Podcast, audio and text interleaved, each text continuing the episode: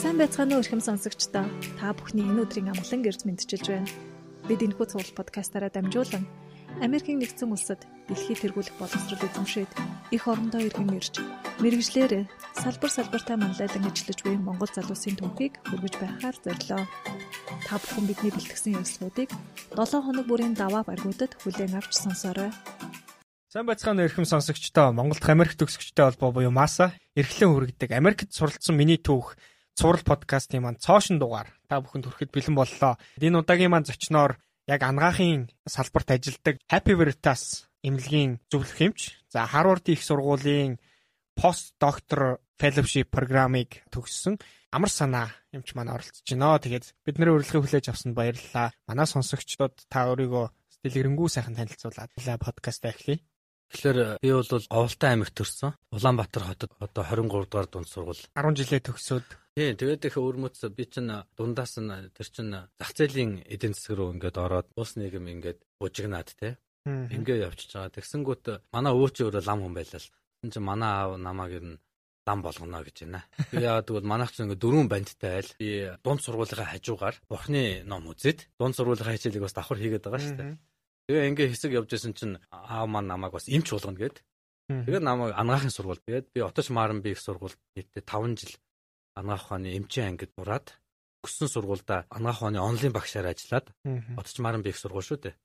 Тэгээ одоо Отч Маран бих сургуулийн өдөр төсөвлийн дараагаар ажилтдаг юм. Оо за. Тэгээ тэр тухайн үедээ бол онлайн багшаар ажиллаж ирсэн нэг жил ажилласан. Тэрний дараа яг тэр хугацаанд зэрэг бас одоогийн Ашус гэж нэрлэдэг байгаа тийм үү? Тэр үед анагаахын дэд сургууль гэж нэртэй байсан. Одоо бол Ашус гэдэг нэртэй анагаахын шинжилгээ ухааны үндэсний сургууль гэдэг нэртэй болсон. Тэнд анагаах ухааны магистрийн дамжаанд давхар судалцаад За тэгээ нэгдүгээр дамжаагаа төгсөөд л Японд руу явсан. Э, жил болгон Японы засгийн газрын тэтгэлэг гэж байдаг штэ. Тэгээ тэр шалгалтанд нь ингээд өгсөн чи тэнцчдэг. Тэгээд э, яваад шууд Токиогийн их сургуульд орж байгаа юм л да. 8 жил сурсан мэт Японд. Гэтэ энэ удаагийн подкаст маань бол Америк нэгдсэн улсын суралцах системийн тухай шүү дээ тийм ээ. Тэгээд э, дараагаар нь яаж явж байгаад пост докторал fellowship програм гэдэг дэлхийн топ сургуулиудын нэг Harvard их сургуульд орох болов. Токиогийн сургуулийн дараа ерөөсөө Harvard руу явъя даа гэсэн бодол байсан. Чин тэгтээ их эдрээтэй л дээ. Би эхлээд нөгөө Токиогийн сургуульд 8 жил сурахдаа маш их судалгааны ажил хийдэг байсан. Клиникээс гадна судалгааны ажил маш их хийдэг байсан. Манай тэнхэн бол клиникийн судалгаа Клиник гэдэг чинь одоо жинхэнэ эмнэлзэн судалгаа шүү дээ. Тэгээ дээр нь бас би чинь нөгөө өвчтөн энтер бас үздэг, хардаг, эмчилгээ энтерт бас оролцдог энтер ийм байсан байхгүй. Одоо манай тэнхэм чинь клиникийн тэнхэм учраас эднээс чинь бас хажуугаарнаас эмнэл зүү өвчтөнтэй тэгээ зуралдах, онш тогтоох, эмчлэх гэдэг юмд ингээд сургаад сургаад ингээд яваад идэг байсан. Тэгээ хажуугаар нь бас судалгаагаа хийн. Тэгээ ингээд миний судалгаа бол ерөөсөө маш хүнд байсан л та эхний ээлжинд бол. Маш хүнд гэдэг нь ямар учиртай юм бэхээр зэрэг миний ерөөсөө барьж авсан судалгаа бол маш бүтлмуутай, үр дүн гарч өгдөггүй юм байсан. Ер нь аливаа судалгаа тийм штэ нь л одоо их бүтлмуутай амаргүй байдаг. Тэгээд хамгийн эхлээд би чинь ямар судалгаан дээр очисон бэ гэхээр зэрэг генет гений эмчилгээний судалгаанд ирсэн. Аа гений эмчилгээ. Гений эмчилгээгд нь одоо ингээд хулганы хорт хавдрын модель загвар гаргаад гений эмчилгээ хийж үздэг тийм одоо судалгаа байхгүй. А миний хийжсэн юм юу вэ гэхээр зэрэг вирусын дотор генийг оруулаад за тэгээд тэрийг хорт хавдрын эсэн дээр ингээд үржүүлээд нөгөө вирусээ үржүүлж байгаа байхгүй. Үржүүлэхээр зэрэг тэр хорт хавдрын үхэл тэр хорт авдаг илүү өхүүлж гин үү, илүү амьдруулж гин үү гэдгийг нь судлаад за тэр эсийг одоо өөрөөр хорт хавдар эсийг ингэж инженерчлэлд оруулж агаад бэлддэг. А бэлдсэнийг нь болохоор зөв манай багш нар аваад тэр бэлдсэн эсийг нь хулган дээр ингээд э, вирустэйгээ хамт хийгээд тэгээ хулган дотор ч нөгөө нэг генүүд нь ингээд үржиж байгаа байхгүй. Тэгээ хулган дотор тэр үржсэн ген нь хулган дээр үүсгэсэн хорт хавдарт яаж нөлөөлж ийн гэдгийг нь бол хими эмчилгээтэй хамт хольж ингэж хутгаад за хэр зэрэг үр дүн үрж ийн гэдгийг ингэж үздэг ийм гений эмчилгээний тийм төсөл рүү ингээд яваад орчиж байгаа байхгүй уу би чи айгүй сонирхолтой ч гэдэм үү нэг бодлын сонирхолтой нөгөө бодлын дэндүү хол юм руу ингээд гів гинт ингээд хараагаад яг тэгвэл би ч одоо оточ мааран уламжилт ангаах ухааны те цус барьдаг ургамлаар эмчилдэг ийм одоо шинжлэх ухааны хүн чинь гів гинт эсийн гений ингээ нарийн юм руу ингээд ингээ яваад орчхоор миний э, сурж үзсэн юм чинь бас нэлээд ялгаатай ингээ зөрүүтэй гараад ирж байгаа байхгүй. За тэгэнгүүт гэж би гэдэг хүн чи одоо энэ имийг бас ойлгох хэрэгтэй. Хийж байгаа юм ойлгох хэрэгтэй. Тийм учраас генийг ойлгох хэрэгтэй, хорт тавдрыг ойлгох хэрэгтэй, тийм үү? За хим эмчилэг яг ойлгох хэрэгтэй. Энэ төр ингээд мэдлэгийн төвшин ахиулахаас өөр аргагүй. Тэгэл ерөөсөө гений юм руу ингээд орсон байдгийн. Тэгэл анх одоо ген гэдэг юм чинь яг ямар харагддаг юм болоо гэж их боддог байсан. Тэр ингээд нарийн лаборатори дээр ингээд очиор яг ген чинь ингээд хатаачхаар зэрэг юм шил шиг юм тунгалаг. Ерөөсөө баг зэргийн шар туяатай. Хатаахгүй ингээд э, спирти агуулмжтай юмд ингээд хийхээр хөвөн цагаан өнгөтэй ийм юм байж байгаа байхгүй. Тэнд очиж анх одоо генийн инженерчлэлд ингээд орлоо штэ. Одоо ингээд тэр одоо ген гэдэг юмыг маш их сонсдог байсан боловч ерөөсөө бодтоор ингээд нүдэрээ харж байгаагүй. Тэгээд анх удаа тэнд очиод яг нүдэрээ ингээд харж байгаа.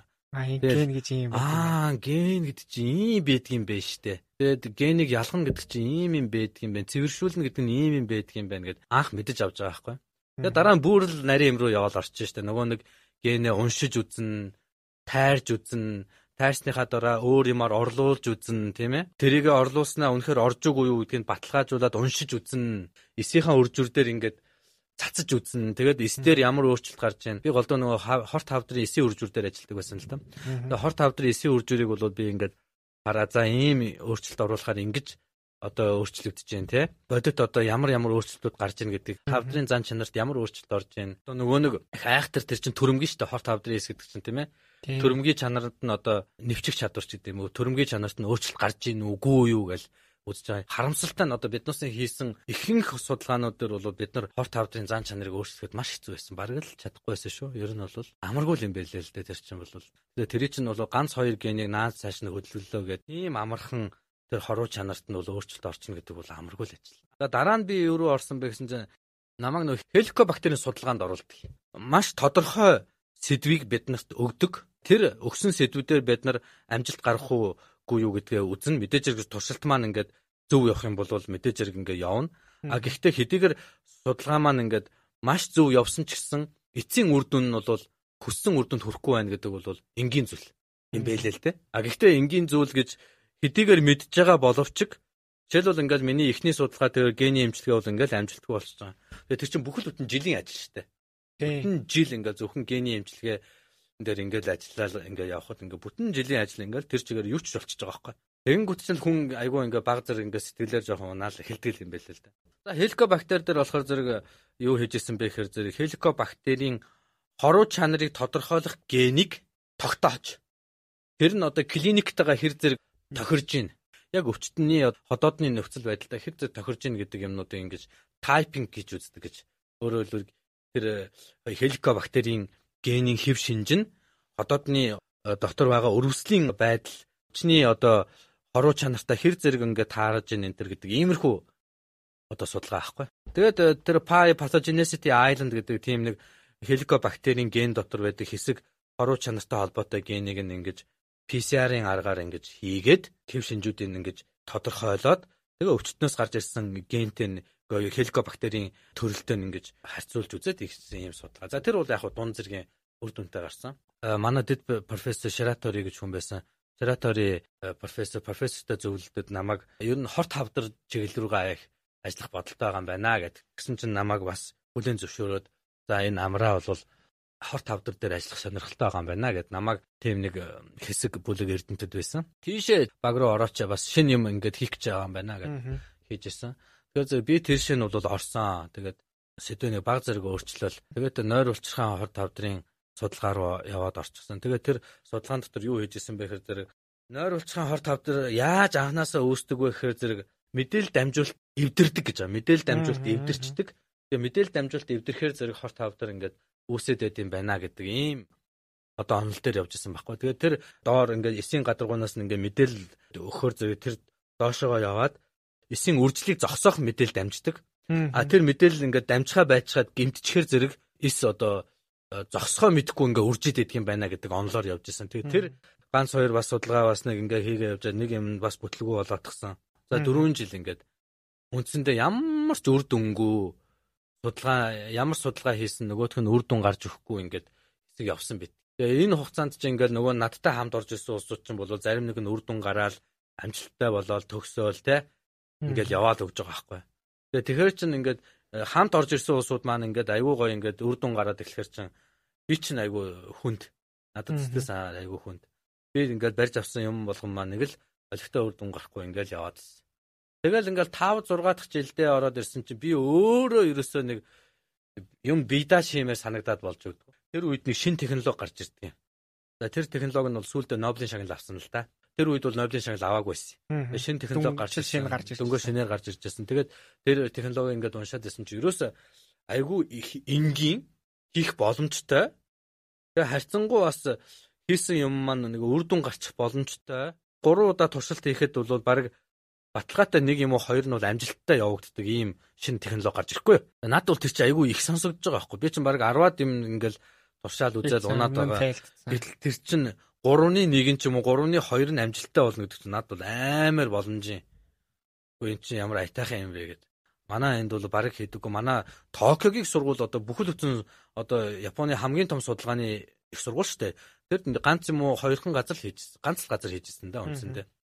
Тэгэхээр зэрэг би нөгөө ганц хийжсэн газартаа нь очиод уулзаа. За би энэ технологи сонирч байна ингээд ноу хау технологи манад би технэмдээ ингээд хийж үзмээр байна. Би та нар бол яг хөө ингээд юун дээр суур шинжилгээ ухаан дээр ингээд биологийн чиглэлээр ингээд хийд юм бай. Би бол энэ хорт тавдар судалдаг хүн. Би хорт тавдар дээр наадах чинь туршиж үзмээр байна гэдэг. Ингээл ярьлаа л та. Тэгсэн нөгөөд бол окей болж гин гэж. Тэднээс ингээд сорь заваа. Тэгээд дотор нь өөрийнхөө сонирхож байгаа юмыг ингээд технологиор ингээд туршиж ингээд үзээд тэгээд тэр нөгөө хорт тавдар дээр эвдэрчээд гэж зам байгаа. Тэр замыг засаад буцаагаад хэвийн болгоод нөгөө нь мэдээлэл дамжиж гин үгүй гэдгийг туршиж үзье гэд. Тэгээд смарт дөрүү гэдэг уург байдаг байхгүй хорт нойр улчин хорт тавдад дээр эвдэрсэн байдаг. Тэр нойр смарт дөрвийг гаднаас нь ингээд дарангуулах ингээд юм хийгээд үзье. Өөрөөр хэлбэл хорт тавдартай илүү төстэй болгоод үзье. Тэгэхээр зэрэг ямар өөрчлөлт гарах нь гэдгийг ингээд үзэх гээд смарт дөрүү гэдэг уургийн дөрвөн байршлыг онилж аваад тэгээд ингээд туршаад үзье. Тэгэхэд тэр дөрвөн байршлаас баг дөрвүүлээ. Яг уу тэр смарт дөрвийг бол нам дараад а нэг нь жоохон соловтор а нөгөө гурав нь бол нэлээд хүчтэй дарангуулж байна. Тэгэл ерөөсөө манай лаборатори ч одоо манай техникч чинь анх удаа ийм жигтэй ч гэдэм үү гайхамшигтай технологи манай 25 дугаар лабораторид одоо ингээд нэвтрлээ. Тэгэнгүүт э, тэрийг ингээд урт хугацаагаар ингээд дарангуулах технологиг бид нар ингээд айгүй амжилттай ингээд нутагшуулад лабораторид ингээд нутагшуулсан. Тэгээд тэр миний нутагшуулсан технологи манай бусад судлаач нар аваад ашиглаад эхэлж байгаа байхгүй. Өө энэ ч их айгүй гой технологи байна те. Шин ноу хав ороод ирлээ. Одоо бид нар энэ дээрс даалаад өгнө гэд. Тэгээд тэн дээр ч одоо хэд хэдэн манай эрдэмтэд тэр нөгөө миний нөгөө нэвтрүүлж орж ирсэн технологи чинь ашиглаад миний тэр бүтээсэн одоо эсийн үр жүрийг бол загварыг ашиглаад судалгаагаа хийгээд эхэллээ. Миний судалгаа тун удалгүй ингээд мэдээж зэрэгцэл явж байгаа юм чинь ингээд э, нийтлэгдэхэр болсон. Гайгүй нэлээд сайн сэтгүүлд одоо онкоген гэж нэрлэдэг юм да. Онкоген гэдэг сэтгүүл бол нэлээд импакт фактороос гайгүй шүү. Ерөнхийдөө тухайн үедээ бол хорт тавдар судалгаандаа бол нэг юм уу хоёр юм уу гурав тал ордог тийм дээгүр сэтгүүлтэй. Тэгээ тэн дээр ингээд анх ингээд нийтлэгдээд Тэгээд э, тэр үе чинь гэтээ би миний нөгөө доктор төгсөх болоогүй байсан. Ягаад доктор төгсөх болоогүй байсан бэхээр зэрэг магистрийн 2 жил, судлаачийн 2 жил гэдэг. Ингээд 4 жил ингээд би чинь судалгаа хийжсэн. А гэтэл доктортой дөнгөж орохдоо би чинь аль хэдийн бүр амар архах судлаач болсон байсан байхгүй. Тэгээд би бол тэргээр ерөөсө зогсох аргагүй байсан л да. Тэгээд би цаашдаа жоохон ингээд өргөжлүүлээд явъя гээд тэгээд дараачийнхаа нэлен юм руу орсон юу юу руу орсон бэхээр зэрэг нэг биш 2 3 генийг зэрэг дарангуулчих. Ганцхан биш. Би урд нь бол ганцхан смарт дөрөв гэдэг ген рүү чиглэж исэн бол 2 юм уу 3 чиглэл рүү ингээд зэрэг дарангуулад үзье. Тэгэхээр зэрэг энэ манай энэ технологич нь амжилттай болох нь үгүй юу гэдгийг судалж үзьегээд нөгөө хамтарч байсан улсуудаагаа ярьж тохироо за энэ судалгааг ингээд гардаад хийгээд үзье гэдэг. Тэгээ би ингээд гардаад хийж байгаа байхгүй. Тэгсэн чинь айгүй амжилттай болсон. Өөрөөр хэлбэл дэлхийд анх удаа 2 3 4 төрлийн генийг одоо нэг одоо вектор гэдэг юм да. Нэг одоо зөөврийг ашиглаад урт хугацаагаар дарангуулсан. Дэлхийд анх удаа шүү дээ. Тэгэл энэ миний нээлт ингээл гарангуут л одоо үнэхээр мэдрэгдэж байгаа аахгүй ингээл. Тэгэхээр би чинь нэлээд өндөр сэтгүүлд орохсон чинь бас тэгэл болж бүтээгөө. Тэгээ нуклеик acid research гэдэг энэ генетикийн судалгаанууд маш их хэвлэгддэг тийм нэр хүнтэй бас сэтгүүл байдаг л да.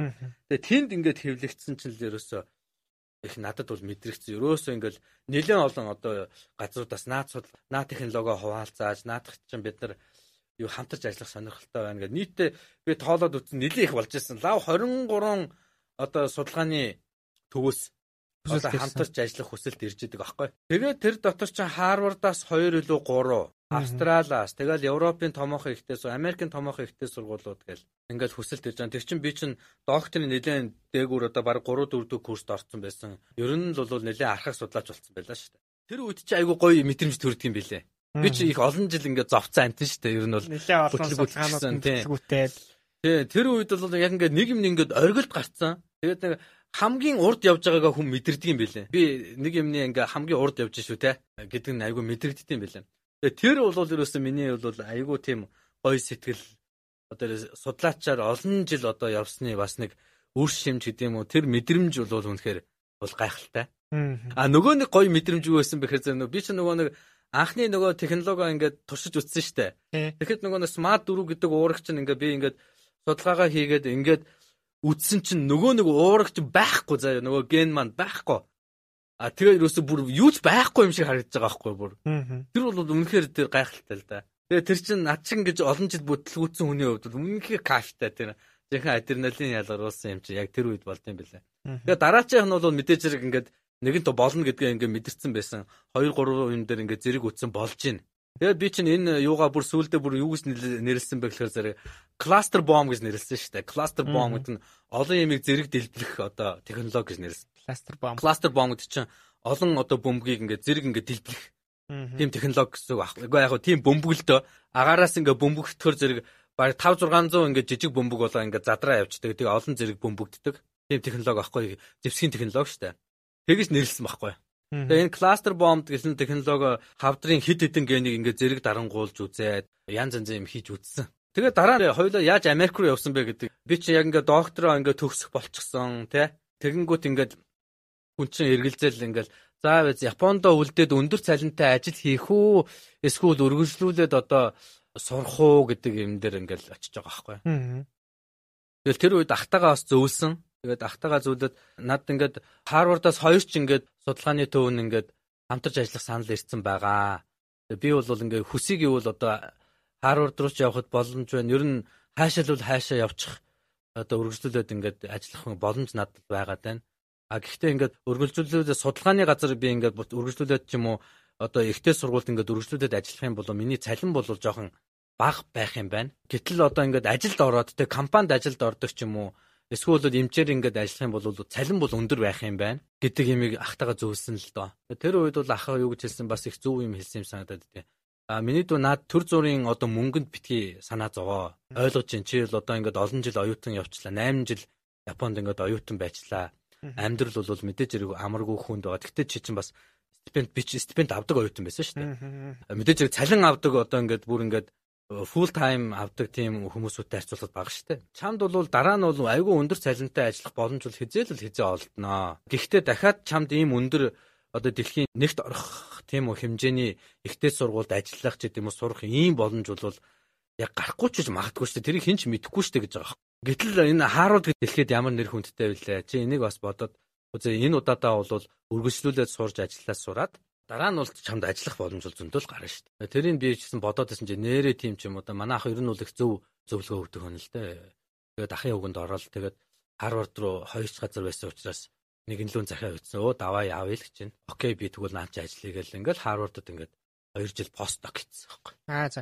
Постдокторын хөтөлбөр гэхээр яг ямар хөтөлбөр байдгийг? Постдокторын хөтөлбөр гэдэг чинь үндсэндээ бол ерөөсөө л докторийнхаа үед ингээд хийсэн судалгаа модалгаач гэдэг юм уу те эрдэм шинжилгээний ажилч гэдэг юм уу те эсвэл тэрийг ингээд үргэлжлүүлээд хийх боломж судалгаа хийж болно юм зааж сургаж болно. Айгүй тийм гоё чөлөөтэй хөтөлбөр шүү дээ ер нь бол. Би бол тийшээ бол нөгөө нэг айгүй гоё ингээд нээлт хийсэн тэрийг үргэлжлүүлчихье нэгдүгээрт. Хоёрдугаарт Америк гэдэг улсад би яг хөө зүгээр ирж очиж байсан болохоос биш сурч ажиллаж үзээгүй. Тэгээд сураад үзчихье дараа нь мэдээж Харвард гэдэг одоо газар ч одоо дэлхийн судалгааны number 1 газар байж байгаа тийм үү. Тэгээд дээр нь бол ангаах ухааны сургууль нь бол дэлхийд мэдээж хэрэг бас number 1 ийм газар байж байгаа. Тэгээд иймэрхүү институтээр очиод үзье. Америк гэдэг газар ер нь ямар шүү газрын судалгааны төвүүд нь ямар шүү, сэтгэлгээ нь ямар шүү улсуудын югаараа тийм лаг байдгийн те. Иймэрхүү юмнууд бас бодогдчихсэн л да. Тэгээ тийм энэ бүхнийг бас өөрийн биеэр очиод бас туулаад үзсэн бас зүгээр бах. Ирээдүйд ч гэсэн бас нөлөөтэй ч юм билүү гэж бодоод их олон юм бодогдтiin байлаа. Тэгэл явхаар болол явсан. Пост докторт одоо явхаар болоход одоо нөгөө өмнө нь докторийн зэрэгээрээ судалгаа хийж исэн гэдэг утгаараа одоо тухайн сургуульд хүсэлт гаргадаг юм уу эсвэл тусдаа одоо яг их сургууль руу явах гэж байгаа этнүүд бол бүгдээрээ аппликейшнийг бөглөөл шаардлагатай шалгалтуудын нөгөө л ингээл явдаг шүү дээ. Тэгэхээр одоо манай яг энэ удаагийн дугаарыг бол яг пост доктороор явах гэж байгаа. Магадгүй судалгааны ажлуудаа хийцэн. Тэгээд сургуулиуд хайж байгаа юм хүмүүс сонсож байгаа. Тэгэхээр та яг тэр хүмүүст хандаад ерөнхийдөө та яг Харвард руу тэнцэхдээ ямар хуу процедур өрнөсөн тэр талаараа илүү гоё дэлгэрүүлээд яриач. Юу л да ингээд э, их зөв асуулт байна л да. Энийг сонирхож байгаа улсууд зөндөө байж байгаа тийм. Тэгэхээр зэрэг постдокор явахад бол хит хитийн юм нөлөөлнө. Постдокор явахад бол а нэгдүгээр постдокор явахад чи цалин авах уугүй юу гэдэг чинь чухал. За сонин. Хэдийгээр постдокор очлоо гэд Харвардд ингээд очлоо гэхэд Харвард цалин өгөхгүй бас байж болно шүү дээ. А Харвард хэрвээ цалин өгнө гэх юм бол нөгөө нэг босох жоох өндөр л авчдаг байхгүй. Яагаад өндөр болчихоо гэхээр зэрэг нөгөө нэг Харвард ч нөгөө нэг цалин өгөх гэж байгаа юм чинь аль хор зэрэг өөрсдийнх нь судалгаа ч гэдэм үү өөрсдийнх нь одоо хийж байгаа ажил төрөлд нь хувь нэмэр оруулах үз чадамжтай мэдлэг бүхий бүр ингээ боловсрцсан тим эрдэмтнийг л авах сонирхолтой байна л да. А цалин авахгүй гэх юм бол а за постдокор хүрээд ирэлтэй те. Тэгтээ чи тэгтээ юу шийдэж чаддгийн те. Тэр чи харъя. Тэгээд ажиллаад үз те. Тэгээд цалин бол бид мэдээж өгөх чадахгүй юм чинь тэднээс нэг алдаад байх юм байхгүй. Одоо лаборатори одоо судалгааны юмнууд ингээд тослуулж мослуулад ингээд бас байжж бас болно шүү дээ. А яг цалин Харвардаас ингээд цалин авангаа ажиллана гэдэг бол жоохон босго өндөр болоо явчихна. За тэрэнд бол үндсэндээ бол хоёр одоо сууг байна гэж харж байгаа. Аа за. А нэг нь бол чи үнэхээр амар дажгүй сайн эрдэмтэн байгаад нөгөөдөл ингээд чамаг явах юм бол тэд нар өөрсдөө баг одоо авмаар ингээд хүсэлт ингээд ингээд аваад аавна. А нөгөөдөл нь болохоор зэрэг танилтал байдаг байхгүй. Том профессорууд хоорондоо холбоотой. Тэгээ өөрийнхөө оюутнуудаас би ингээд өөрийнхөө оюутныг танаад дэр ингээд явуулмаар байна. Судалгаанд явуулмаар байна. Чи авах боломж байна уу? Наа чин одоо цалинтай позиц байна уу? Тэ цалинтай ажлын байр байна уу гэдэг жаах байхгүй. А нөгөөдөл ингээд том ингээд судалгааны грант мөнгө авахар болчихсон. А тэн дээр ингээд ажиллах хөөч байт юм уу судлаач хэрэгтэй байх юм бол одоо найзынхаа хэлж байгаа хүүхдүүдээс харж аваад оо наа чин гоё дажгүй залуу шүү дээ. Чи тэгээд батан дааж байгаа юм байгаа шүү. Наа чин асуудалгүй нөхөр юм байгаа үстэй те. Нэгдүгээрт одоо мэдлэг чадварын хувьд асуудалгүй, хоёрдугаар тийм хувь хүний хувьд асуудалгүй юм байгаа үстэй. Чи батан даах юм байгаа үстэй найзаа гэдэг. Тэгээ ингээд том том профессорууд ингээд хоорондоо ингээд нэтворк үүсгэж хоорондоо ингээд солилцоотой.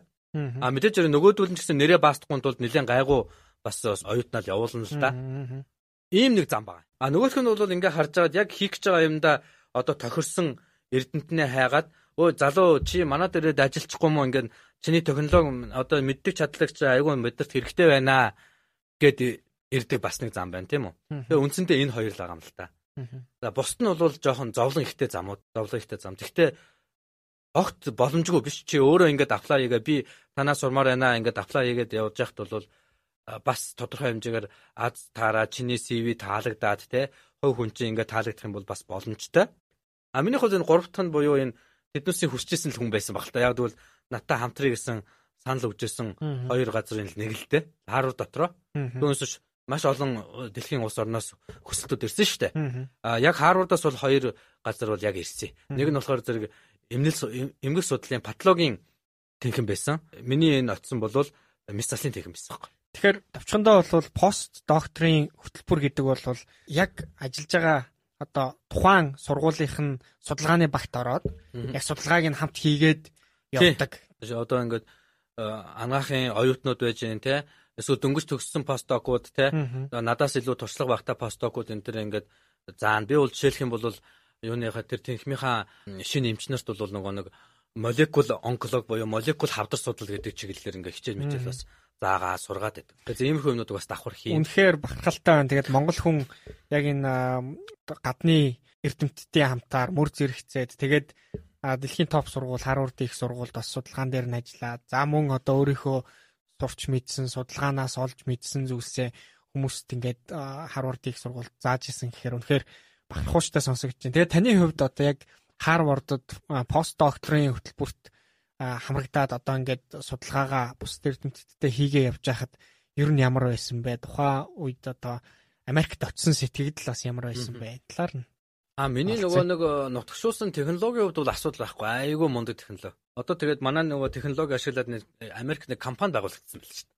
Оо за. Би сүүлд ингээ харсан чинь компани байгуулагдсан байд. Харсан чинь яг нөгөө нэг миний технологи явж илээ. За яг хөө тэгээд тэр компани тэгээд амжилтаа явж байвал хамаа алга тий. Миний хувьд тэрэн дээр бол асуудал байхгүй. Ягаад надад жоохон сонир сэтгэл төрсэн бэхээр би нөгөө Японд байхдаа нөгөө технологи патентжуулах гээд.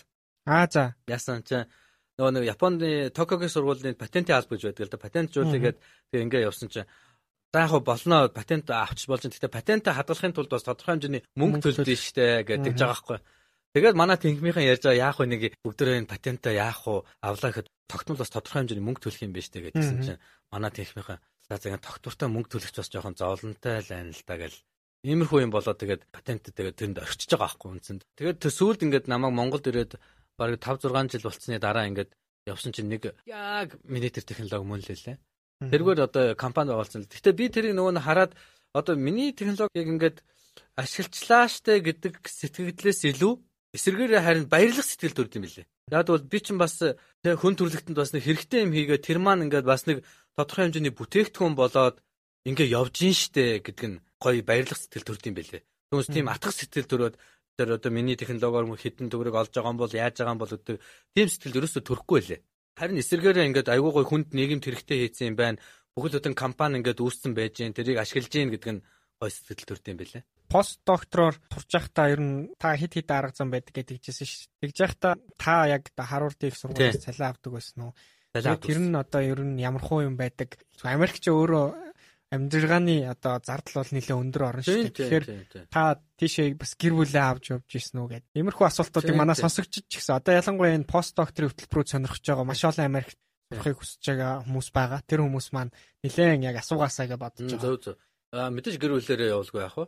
Тэгээд э, миний санаж байгаагаар 30-аас нэг 40 мянган доллар байсан санагдаад байх юм. Энэ жилийн жилээр л явчт юм билээ. Америкууд ч сарын цал ингэж явдаг юм билээ шүү дээ. Тэгэхээр тэргээ сард нь хуваагаал хуваагаал өгчт юм билээ. Тэгэхээр би чинь нэг за яг нэг 3000 хэдэн зуун жилөө нэг тиймэрхүү л цалин аваад байсан санагдаад байх юм. Бүр бүр айгүй тод санахгүй шүү заа юу.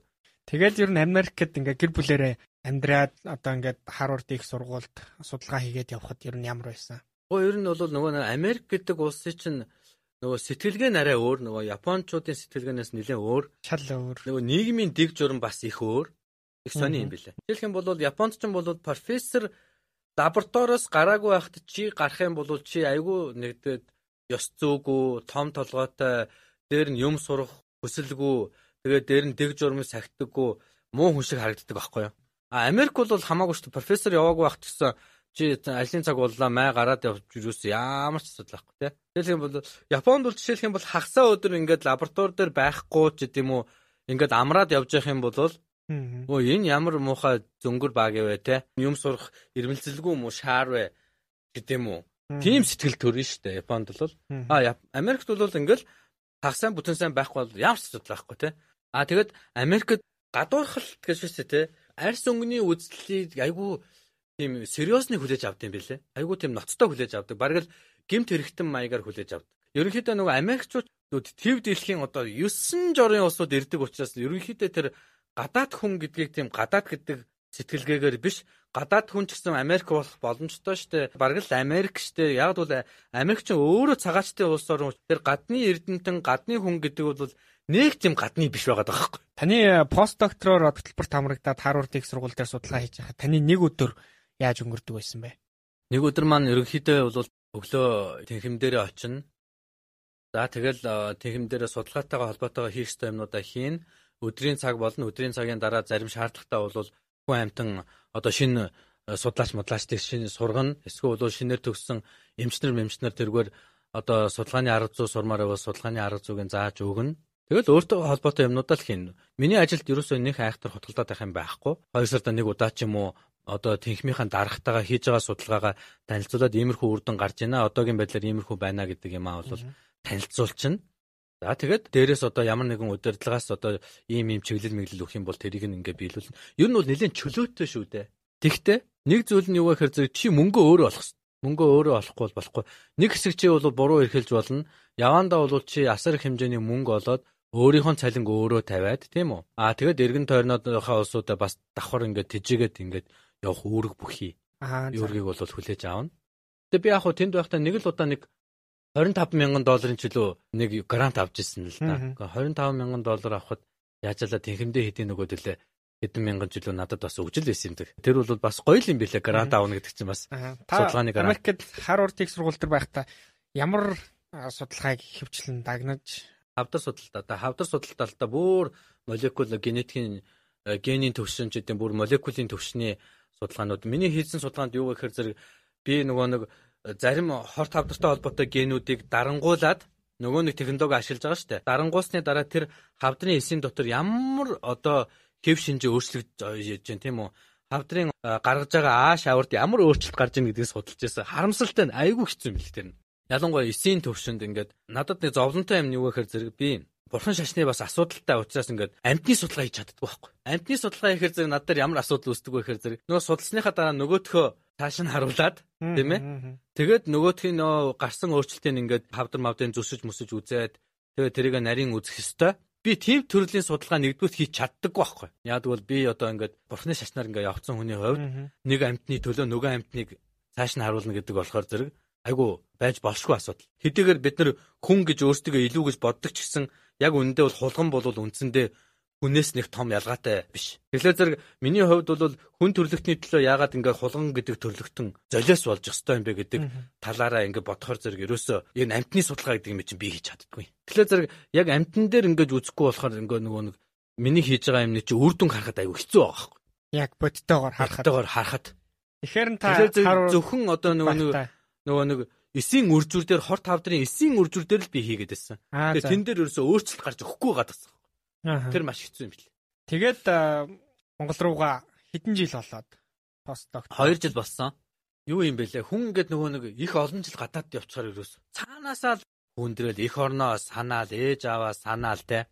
Ингээд хэлт юм бэлээ. Хизээ явах вэ гэдэг асуулт чинь бүр байн маш том асуултын нэмдэг байнга байгаас заяа. Тархины чинь аль нэгэн газар хизээ явах вэ гэдэг асуултын тэмдэг ингээ үргэлжийн мөнх байж байгаа. За ингээд 2 жил болчлоо пост доктор fellowship маань ерөнхийдөө дуусгасан ч болно дуусахгүй ч болно би сунгасан ч болно сунгахгүй ч болно. За сунгах уугүй юу гэдэг асуулт дахиад гараад ирж байгаа байхгүй. Яг тэр үед ингээд бас л ахтайгаа зөвлөөл ингээд э, гадаадд амьдарч байгаа улсуудын чинь ингээд байдлыг харж байхад бас хүнд. Тэгээ гадаад байгаа хүнд тэр чинь нэг ингээд хамгийн өрөвдөлтөй ингээд нэг хагас өнчөв. Ээж автаа юм хөр ээж авт. Тэгээ байн гуулж чаддаг. Тэ? Тэгээ нөгөө нэг ээж аавын чинь бас нэг ачийг хариулъя да тийм ээ. Гэдэг бодол байнга байгаад гэсэн мөртөө тэрийг ачиг хариулж чадахгүй шүү дээ тийм хаяа нэг хідэн төрөг өглөө тэр бол тодорхой хэмжээгээр хариулж байгаа боловч үнэхээр ээж аавын хүсэж байгаа юм чи юу юм бэ гэхээр зэрэг ойрхон байж ах. Ойр ойрхон уулзах тийм ээ. Тэгээд нэг элэг бүтэн ингээд нэг гоё ингээд гэр бүлэрээ гоё ингээд амьдэрдэг ойрхон ингээд амьдэрдэг тийм ээ. Энэ бүх юм чинь л одоо үндсэндээ явж явж ингээд гэр бүл юм шүү дээ тийм ээ Яг би мэднэ бас надтай хамт ингээл гадаадд ингээл явж байгаа л тэр чигээрээ бүр иргэн болчихсон ч юм уу бараг л Монгол хүн биш юм шиг мөн ч юм шиг юм болцсон. Тэгээ хагас үнчин болцсон. Тэгээ сэтгэлийнхаа гүнд ингээд шарахтай ийм ус зөндөө битгий. Би бол ингээ бүр 10 жил ингээд яхад бүр ингээ сүулдэг бүр өстэй. Мэдээж хэрэг тэнд олж байгаа мөнгөн сайхан амьдарч байгаа орчин илүү. Гэхдээ нөгөө нэг эх орон гэдэг юм чинь хизээч гүцэхгүй те. Тэгээ хизээ буцах вэ гэдэг асуулт ингээд явж явж байгаа. За одоо би дахиад сунгах юм бол би бүр л тэр чигээрээ баг 10 жил амьдарчих гэдсэн байхгүй юу тэнд. Яг бол Америкч их чөлөөтэй цалин бүнлүү сайтай. Би үргэлжлүүлээд ажилласан бол мэдээж зэрэг илүү өндөр цалин, илүү илүү амьдралын баталгаа тэнд бол байсан байх. А гэхдээ нэгдүгээр нутаг буцаад нөгөө нэг 10 жил ингээ хүн ингээ юм сурчаар зэрэг нөгөө нэг сурснаа ингээд нөх гой ингээд их орондоо гой хэрэгжүүлмээр санагдаад идэм бил айгүй гой гой санаанууд тэнд чи төрөөл байгаа шүү дээ. Аа энийг Монголдо оруулах юмсан, энийг Монголдо хийж үзэх юмсан. Энийг Монголд ячсан бол хичнээн олон хүн аврагдах бол энийг Монголдо хийчвэл хичнээн олон хүний амийг аварчихвол гэдэг юм чи юуроос ингээл байнга буцлаастай. Тэгээ тэр энерги чинь одоо ингээ би залуу насандаа эх орондоо ингээ зарцуулахгүй бол хүний юуроос хамгийн итгэвтэй, хамгийн эрч хүчтэй гой залуу нас чинь бол үндсэндээ ингээл 30-аас 40 нас үстэй. Тэр насыг чинь би гадаадад ингээд зориулсан ихэр зэрэг хайрын санагдаад жоо харамч байгаа байхгүй. Энэ айгүй олон нөхцөл байдалд ингээд явж явж байгаад 10 жил ингээд бөөгнөс чөр зэрэг за Америкт ирлээ. За ийм байдгийн байна харлаа үзлээ. Ийм байдгийн байна харлаа үзлээ. За Япон ийм байдгийн байна үзлээ харлаа. Тэнгүүд одоо энэ чинь ингээ Монголдо ингэ хэрэгжүүлмээр шүү. Тэнгүүд яг тэр үед чинь манай Монгол улс чинь элэгний өвчнөр бүр ингээд гамшиг болчихсон. Тэгсэн мөртөө вирусээ эмчилж чаддаггүй заяа. Яагаад эмчилж чаддаггүй гэхээр зэрэг Монгол улс вирусээ тоолж чаддаггүй байсан. Вирус тоолно гэдэг чинь надад айгүй энгийн технологи болж байгаа байхгүй. Би чинь тэнд 10 жил молекул биологи үзчихлээ. Молекул онколог, хавдар судлал, вирус судлал тийм үү? Дотрийн өвчин судлал, илгэний өвчин судлал ингээл бүгдийг ингээд үтчлээ тийм үү. Надад тэр вирус тоолно гэдэг чинь үнэн энгийн санагдаж байгаа хөөх. Гэтэл Монголд байхгүй тэр технологи нь заа юм. Хэдэн онд бай тийм 2008 он. Тэгэнгүүт нь за зоригшлуудад нэг төхөөрөмж авчээ. Тэгээд Монголдо энэ вирусыг нь тоолдог лаборатори байгуулъя гэсэн бодол төрөж орж ирсэн байдаг юм. Тэгээд э, тэнд ганц хоёр тоног төхөөрөмж аваа таньдаг мэддэг найз нөхдүүд санал тавиад Монгол улсад нэг эмнэлэг э, лаборатори байгуул. Тэгээ монголчууд нэг нэг вирус гэдэг юм аа нэг тоолоод тэгээ тэрийг эмчилгээг хийж. Тэгэхгүй бол энэ вирус гэдэг юм чинь монголчуудын илгийг ерөөсөө алаад дуусч гин гэдэг бодол байгаад байсан. Тэгээ технологи нь ингээд үтсэн би ч өөрөө тэрийг хэрэгэлдэг байсан. За ингээд вирус тоолох чи ядаад ах юм алга ба шүү дээ. Энийг Монголд хийгээл үзье л да. Монгол улсад анх удаа элэгний вирус тоолдог элэгний лаборатори гэдэг юм чинь байгуулж байна. Элэгний Б вирусыг анх тоолсон. Элэгний С вирусыг анх тоолсон. Элэгний дельта вирусыг анх тоолсон. Элэгний А вирусыг бохирын шар гэдэг ба дээ. Тэрний вирусыг анх тоолсон. Дараа нь би дохын вирусыг анх тоолсон. Тэгээ хүний папиллома вирусыг анх тоолсон байдаг. Монгол улс. Тэгвэл таны одоо олон жил сурж мэдсэн, судалгаа хийсэн, цаг заваа зарцуулсан тэр болгон монголчуудад маань бас эргэж ирээд яг одоо яг хэрэгтэй тэр өвчнийг нэлрүүлэхтэй тэр тал дээр үнтэй хөв нэмэр оруулсан одоо яг сонсогчдийнхаа өмнөөс бас талархлаа илэрхийлмээр байна. Таныг яг Америкт байх үед хамгийн сайхан дурсамж юу байсан бэ? Амун Америкт байхад одоо хамгийн хүнд хэцүү сорилттой үе юу байсан бэ? Мэдээж нөгөө л нэг дандаа кинон дээр л гардаг юм чинь дандаа л бодитоор нь харж байгаа юм чинь те нөгөө л нэг Лос Анжелес гэдэг LA тэ Холливуд гээл бодитоор нь Лас Вегас бодитоор нь харлаа Вашингтон DC бодитоор нь харлаа гоё байна. Нью-Йорк харлаа. Нөгөө нэг Нью-Йоркийн нөгөө лэгчлөөний хөшөө байна. Бодитоор харлаа те дандаа л нөгөө нэг киноноос л хүнээс л сонсоод байсан амьдрал нь ямар вэ? Амьдрч үзлээ те гоё үдгийн Америкчууд нэг гоё юм нь болохоор гэрүүлэг айгүй эрхэмлдэг шүү дээ. Чөлөөт амар тэ чөлөө цагийг бол гоё спортлог бас. Америкт бол э, тийм бас сэтгэлгээний чөлөөтэй. Гадуурхалт хамаагүй бага. Тэгээ маш олон үндэстэн цуглалцсан учраас их сонирхолтой. Би бүр нэг удаа бүрээс мартдаггүй юм. Бостонд очиод нэг удааг байсан шин. Галт тэргээр ингээл явсан чинь ингээл юу лээгээ болсон. Би яагаад тийм зоо паркт байгаа санагдаад болдгоо. Яагаад зоо паркт гэж бодгсон байвал шарн байна, цагаан нь байна, харн байна, борн байна. Ерөөс ингээ 9 жорын хүмүүс ингээл лифтэн дотор бишээ нөгөө гал тэрэгэн дотор чи ингээд сууж байгаа штеп. Би ингээд харсан чинь бүр ингээд нэ ямар зоо парк шиг юм бэ гэж бодогдоод. Энэ төрмөөс санагдаа. Энэ тийм үндэстэй юм болоо, ийм үндэстэй юм болоо гэсэн шиг юм бодоод явж байгаа юм. Ангаах ухаан тий.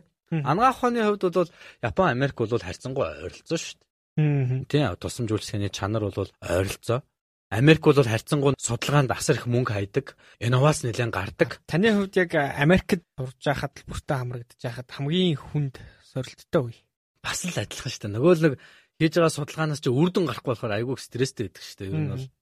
Тэгэхээр би нөгөө нэг айгүй мундаг технологиг ингээд гаргачихсан. Тэрийг нөгөө хор тавдрынхаа эсэн дээр ингээд үр дүнг нь үсчмээр байдаг. Нөгөө нэг хэдэн генийг ингээд дарангуулаад ангуулад нөгөө нэг хор тавдар чин урууд гаргаал ургаал тийм ээ өгч өгдөггүй тийм үү тэгээ өөрчлөлт гарч өгдөггүй эсвэл илүү муухай болж өгдөггүй тэгээ нөгөө нэг фенотип гэдэг юм гарч ирэхгүй болгож тэр жоохон муухай юм бэл уг нь ингээл гой гой үр дүнгууд ингээл гой технологи ингээл нэвтрүүлчихэд тагт чинь дэлхийн хэмжээний технологи шүү дээ тийм тэгээ би энэ чинь өөрөө бас ингээ гардан хийсэн гой технологи чи уг нь үр дүнгийн илүү сайн үзсэн бол гой байх байлаа тэгээ өргөжлүүлээд ингээд ажилласан бол яах байсан бол гэж боддгийн тэгвэл би бол ерөөсөө тэр тухайн үеийн шийдвэрийг айгүй зөв шийдвэр гэж боддоо шүү дээ. Их орон руугаа буцсан нь айгүй зөв шийдвэр байсан. Яа тэгвэл ирээд би чинь одоо ингээд Монголд амар том хувь нэмэр оруулж байгаа юм. Нөгөө нэг тэр үед чинь ингээд нэг элэгний БЦ вирусыг чинь тоолохын тулд манай монголчууд чинь дандаа гадаад руу явна заяа. Солонгос, Япон, Хятад руу явж тоолуулчаад ирдэг байсан гэ боддоо. Тэг чин нэг хүнээс дунджаар 1000-аас 1000 2000 доллар зарцуулж байгаа байхгүй. Бүр хамгийн бага дээ. Гэтэл тэр чинь одоо манай лаборатори Монголд 50 мянган төгрөгөөр тоолж илсэн шүү Тэр чи ямар их хичнээн 100 тэрбум төгрөгийг хувь нэмэр оруулж байна. Тэгээд тэрний чин дагаад ингээд Монгол өөртөө вирусээ эмчилждэг болчихж байгаа юм. Тэрний чин дагаад хичнээн олон хүний амь насыг тий сүүлд нь одоо энэ элэг бүтэн гэж нэрлээд байгаа хөтөлбөрийг чинь одоо анх эхний хувилбарыг нь одоо эрүүл мэндийн яам байх яамд байхдаа гаргаж илаа. Тэгээд эний чинь би бүр ингээ гардан өөрөө ингээ дид сайд байхдаа яг ингээ бичээд те компьютер дээр ингээ бүр шивж оруулаад энэ маань ингээд айгуу тэр нь айгуу гоё. Би одоо өдөр тутам ингээ кайфтай ажилддаг штэ. Маш олон хүний амийг аварж яана гэж бодож ажилдаг. Маш олон хүний вирусыг устгаж өгдөг. Тэгээ маш олон хорт хавдрын шинээр нь эрт дээр нь илрүүлдэг. Нэрээд тэр хүнс чинь эмчилгээнд эрт орж байгаа учраас маш олон хүний амийг аварч ийн гэж дотроо бодож тэргээрээ сэтгэлээ тэжээж ингэж баярлж явдаг. Мэргэжилдээ дуртай тэгээд эмчийн ажил их гой буянтай тийм яг таны сая ярьсан шиг юм ажил. Тэгээд манай подкастыг бас яг өсвөр насны хүмүүс 10 жилийнхэн их сонсдог. Тэгээ энэ өсвөр насныхаа одоо яг мэрэгжлээ яаж сонгох вэ? Ер нь эмч болчвол яах юм? Эмч боллоо гэхэд ер нь юу н цаашаа ирээдүйтэй сурахад одоо илүү зүгээр ингээд ингээд маш олон асуулттай тулгардаг. Тэгээ тэр хүүхдүүдэд хандаж та нэг бас зөвлөгөө өгөөч. Сэтгэлийн хөөрлөөр шийдэх асуудал биш л дээ. Нэгдүгээр ирээдүг харах хэрэгтэй. А ямар төрлийн эмч байх вэ те? Жишээлх юм бол мис засалч эмчнэр байж л байх ах нэг хэсэгтэй бол. Дотрийн эмчнэр байх уу? За баг байх болов. Гэхдээ нэлээ өөрчлөгдөх байх тийм үү? Тоон зөрч магадгүй. Ягаад гэвэл одоо хиймэл оюун ухаан гэдэг эмчин гараад ирчлээ. Маш олон өвчнийг бол одоо эмчтэй эмчгүй компьютер онцлох боломж гараад ирнэ шүү дээ. За тэгэхээр зэрэг энэ лабораторийн эмчгээд нэг төрлийн эмч байна, хүүхдийн эмчгээд байна, их байх эмгтээчүүдийн эмч байна. За их байх эмгтээчүүд бол баг нэг хэсэгтээ байж ах байх уу? Роботууд хүнийг төрөвтлөөч та хаачин гэж би бодож байна тийм үү? Мис засалч бол нэг хэсэгтээ байж ах байх уу? Роботууд хичнээн мис засал хийлээ хийлээгээд хүний гар тэр нарийн мэдрэмжинд хүртлээ одоо бас болоогүй болов гэж би зүгээр бодож байна. Тэгээд дүрс онцлогооны эмч гэж байна. Дүрсийн эмчнэр одоо хэр зэрэг удаан настай юм байгаа. Яг нэг хэсэгтээ бол байх бах уу? ойрын 20-од жилдээ бол байх бах. 20-оос цааш бол би зүгээр мэдэхгүй байна. Ямар ч дүрсийн онцлогоог бол роботууд хийгээд эхэлчих байх гэж бодож байна. Компьютер томограф ч гэсэн MRI-г бол сүүлдээ бол компьютер уншаад хүн унших шаардлагагүй болчих байх шүү ер нь бол. За тэгэхээр зэрэг өөр ямар эмчнэр байна те? Зарим нь байна, зарим нь байхгүй дээ. Тэгэхээр энийг бас давхар бодчих хэвээр. За дараа нь цалингийн асуудал. Манай Монгол улсад ерөөсөө энэ эмчнэр ерөөсөө маш үнгүйтсэн газар дээ. Одоо шил би чи одоо эмчнэр гэдэг чинь одоо тэнгэрийн шүү дээ. Одоо Японд жишээлх юм бол Америкт ч юм уу те би жишээлх юм бол Японд очиод ажиллаа гэхэд Америкт ажиллаа гэхэд одоо байгаа цалингаа одоо хэд нуглах юм байгаа. Амар л нуглаа шүү дээ ер нь бол. Японд Америкт бол айгүй бол бараг л 100 мянгаас бараг 3 400 500 мянга долларын цалин жилдээ шүү дээ. Тэгэхээр гадаадд бол эмчнэр гоё цалин сайтай тий гоё ажил байгаа уу? Чи хувь хүний хувьд эмч болоход хэр зохимжтой вэ гэдэг. Чи алдаа их гаргадаггүй чи юмд хянуур байж чаддаггүй. Чи юмыг гүнзгий бодож чаддаггүй. Чи хүнд сэтгэл гаргаж чаддаггүй. Чаддаггүй юу гэл. Энэ бүхнийг маш сайн бодох хэрэгтэй. Алдаа их гаргадаг, хүнд сэтгэл гаргаж чаддаггүй тийм үү? Хэнэггүй ийм хүмүүс бол анхнаасаа л заавал тэр мэрэгжлийг авах гал тэгээ заавал тэр мэрэгжил рүү шунаад энэ нэгний дарамт шахалтаар тэр мэрэгжлийг эзэмших гээд өөрийгөө ч зовоогоод өвчтнөөч зовоогоод ах шаардлагагүй л гэж боддог юм л да. Бас хэл сурах гэж байгаа маш олон хүмүүс энэ Америк руу гадагшаа явцсан Америк руу явцсан хүмүүс яаж ер нь хилээ сураад одоо энэ шатыг яаж даваад байна гэж их асуудаг. Тэгэхээр таны хувьд бас англи хэл яаж сурж исэн бэ? Тэгээд англи хэл сурж байгаа залуусд бас ямар зөвлөгөө өгөх вэ? За би штэ тийм ээ. Бүр ингээд өөрийнхөө бүр амар хүчин чармаалтаар сурсан нь бол ерөөсөө англи хэл байдаг. А бусад хэлүүд бол ерөөсөө бараг л амьдралын шаардлагаар сурсан байдаг штэ. За жишээлбэл би эхлээ хамгийн эхлээд орс хэлийг бол би чинь орс сургуульд орсон учраас орс хэл ерөөсөө унган орс хэлтэй. Дараа нь За дараа нь төвд хэл. А төвд хэлийг болохоор зэрэг манай өвөө маань өөрөө лам байсан. Тэгээ би ч өөрөө бас бурхны шашнаар ингээ явж байсан. Ингээ явж байсан учраас бас л сурч л таарж байгаа байхгүй. Чи миний одоо бараг л ажил мэрэгжил ахын шүү дээ. Англи хэл. Англи хэлийг би өөртөө жинхэнэ сурыг гэж бодож сурсан. Яагаад вэ гэхээр зэрэг ер нь ингээд тэр үед чинь дөнгөж одоо зах зээлийн эдийн засгт орлоо Монгол улс чөлөөт эдийн засаг руу орчлоо. Бүх юм одоо англи хэл айгүй чухал гэдгийг ойлгосон. Тэр үед чинь тэрнээс өмнө болохоор зэрэг хүмүүс орос хэлийг илүү сурдаг Орос хэл чухал гэж боддог байсан, социализм чухал гэж боддог байсан. Тийм учраас бид нар Оросын тодорхой хэмжээний хараат байсан. Оросыг мундаг гэж боддог байсан. Тийм учраас бид нар ихэнх л орос хэл сурдаг байлаа шүү. Тийм учраас за тэрийг авах сурдгаараа сурцсан. Ингээд зах зээлийн эдийн засгаар орсон чинь англи хэл чинь чухал юм байна. Дэлхийн хэл юм байна. Англи хэлгүйгээр урагшаа явахгүй юм байна гэдэг чинь ингээд аажмаар ингээд яваад гисэн. Тэнгүүд биднүүсийн тархинд юу орж ирсэн бэхээр зэрэг англи хэл бол ирээдүй юм байна гэж харж байгаа байхгүй бид нар англи хэлний олимпиадад орсон байдгийг оюутан байхдаа. Төгсөх курстай байхадаа бараг л. Тэгээ англи хэлний олимпиадад орохдоо би өштэй бүр төрүүлнэ гэж бодож ирсэн байхгүй. Гэтэ магадгүй миний тэр англи хэлний төвшин төрүүлэх хэмжээнд байгаагүй л ах л та. Гэтэ би 2 дугаар шатанд орсон байдгийг. Тэгээ айгүй дажгүй. 2 дугаар шатанд орсон. Тэгээ тэр надад айгүй түлхэц болоод оо би чин бас чадах юм байна те. Өөртөө ихтэй болоод. Тэгээ би чи амар нөө шартай хор шартай багий. Төрүүлж чадаагүйдээ бүр шаарлахад бүр уйлжсэн шүү дээ. Тэгээд чи би чинь бас тийм хичээл зүтгэл сайтай тийм нөхөр юм шиг байна. Би хэдийгээр тэр олимпиадад төрүүлж чадаагүй ч гэсэн тэр төрүүлэхийн төлөө зүтгэсэн маань тэр процесс маань надад бас амар хэрэг болсон байхгүй. Манай монголчууд бол гэхдээ ихэнх нь гайгүй гой сурдаг штэ их хэлийг бол айгүй авьяаста сурдаг штэ. За нилээ их ярих юм байгаа ч гэсэн нөгөө чи гэхдээ намайг бүр цаг хугацааны машин суулгачлаа штэ. Өөр штэ хамаг юм цаг хугацааны машинаар ингээд яваад аялаад ингээд энэ тэнд байсан үе маань яг кино шиг харагдаад өнгөрлөө. Хоёулаа. За тэгээд бидний урилгын хүлээж авсанд баярлалаа. Манай подкастын бас нэг үндсэн асуулт байдаг. Тэр нь манай энэ подкастын дараагийн зочноор энийг өрмөр байгаа юм бай. Тэр хүн нь болохоор Америкт төгссөн байх хэвээр. Манай гамма доктор уг нь их мундаг доктор штэ. Гамма доктор маань байвал уг нь их гой гой юм бас ярих бах. Манай шагдар сур ингээд байдгийн. Тэгээ 2 23 дахь сургууль хамт байсан. А тэгээ дараа Мишиганы их сургуульд болохоор зэрэг мань хүн хуульчин хуульч мэрэгжлийн юм баггүй. За маш их баярлалаа. Тэгээ бидний урилгыг хүлээж аваад өнөөдрийн подкастт орж яг өөрийнхөө Америкт суралцж исэн хөтөлбөрт хамрагдаад одоо судлаачаар Харвард их сургууль ажиллаж исэн гэх юм уу. Энэ түүхээс хуваалцсан танд маш их баярлалаа. Тэгээ таны цаашдын ажил үйлс бүхэл зүйлд нь өндрөөс өндөр амжилтыг хүсье. За баярлалаа. Та бүхэн ч гэсэн ажлын өндөр амжилт хүсье. Эдийн түрээд масс эрхлэн хүргэдэг Америкт суралцсан миний түүх Сурал подкастын маань энэ дугаар өндөрлж байна. Дараагийн дугаараар дахин уулзтлаа түр баяртай. Америкийн нэгдсэн улсын засгийн газраас санхүүжүүлдэг Education USA Mongolia хөтөлбөрийн хэрэгжүүлэгчээр Монгол дахь Америк төгсөгчдийн холбоо ажиллаж байна. Та Америкт ихтэй сургалт хэрхэн суралцах тухай цогц үнэн зөв мэдээллийг үн төлбөргүй авахыг хүсвэл Education USA Mongolia хөтөлбөрийн боловсролын зөвлөгөөдөд хандаарай. Бидэнтэй холбогдох хүсвэл www.masa.org-ийн цахим хуудасаар хандж болохоос гадна Facebook, Twitter, Instagram дээр Education USA Mongolia дагаарай. Ирэх даваа гарагт иргэн уулзлаа түр баяртай.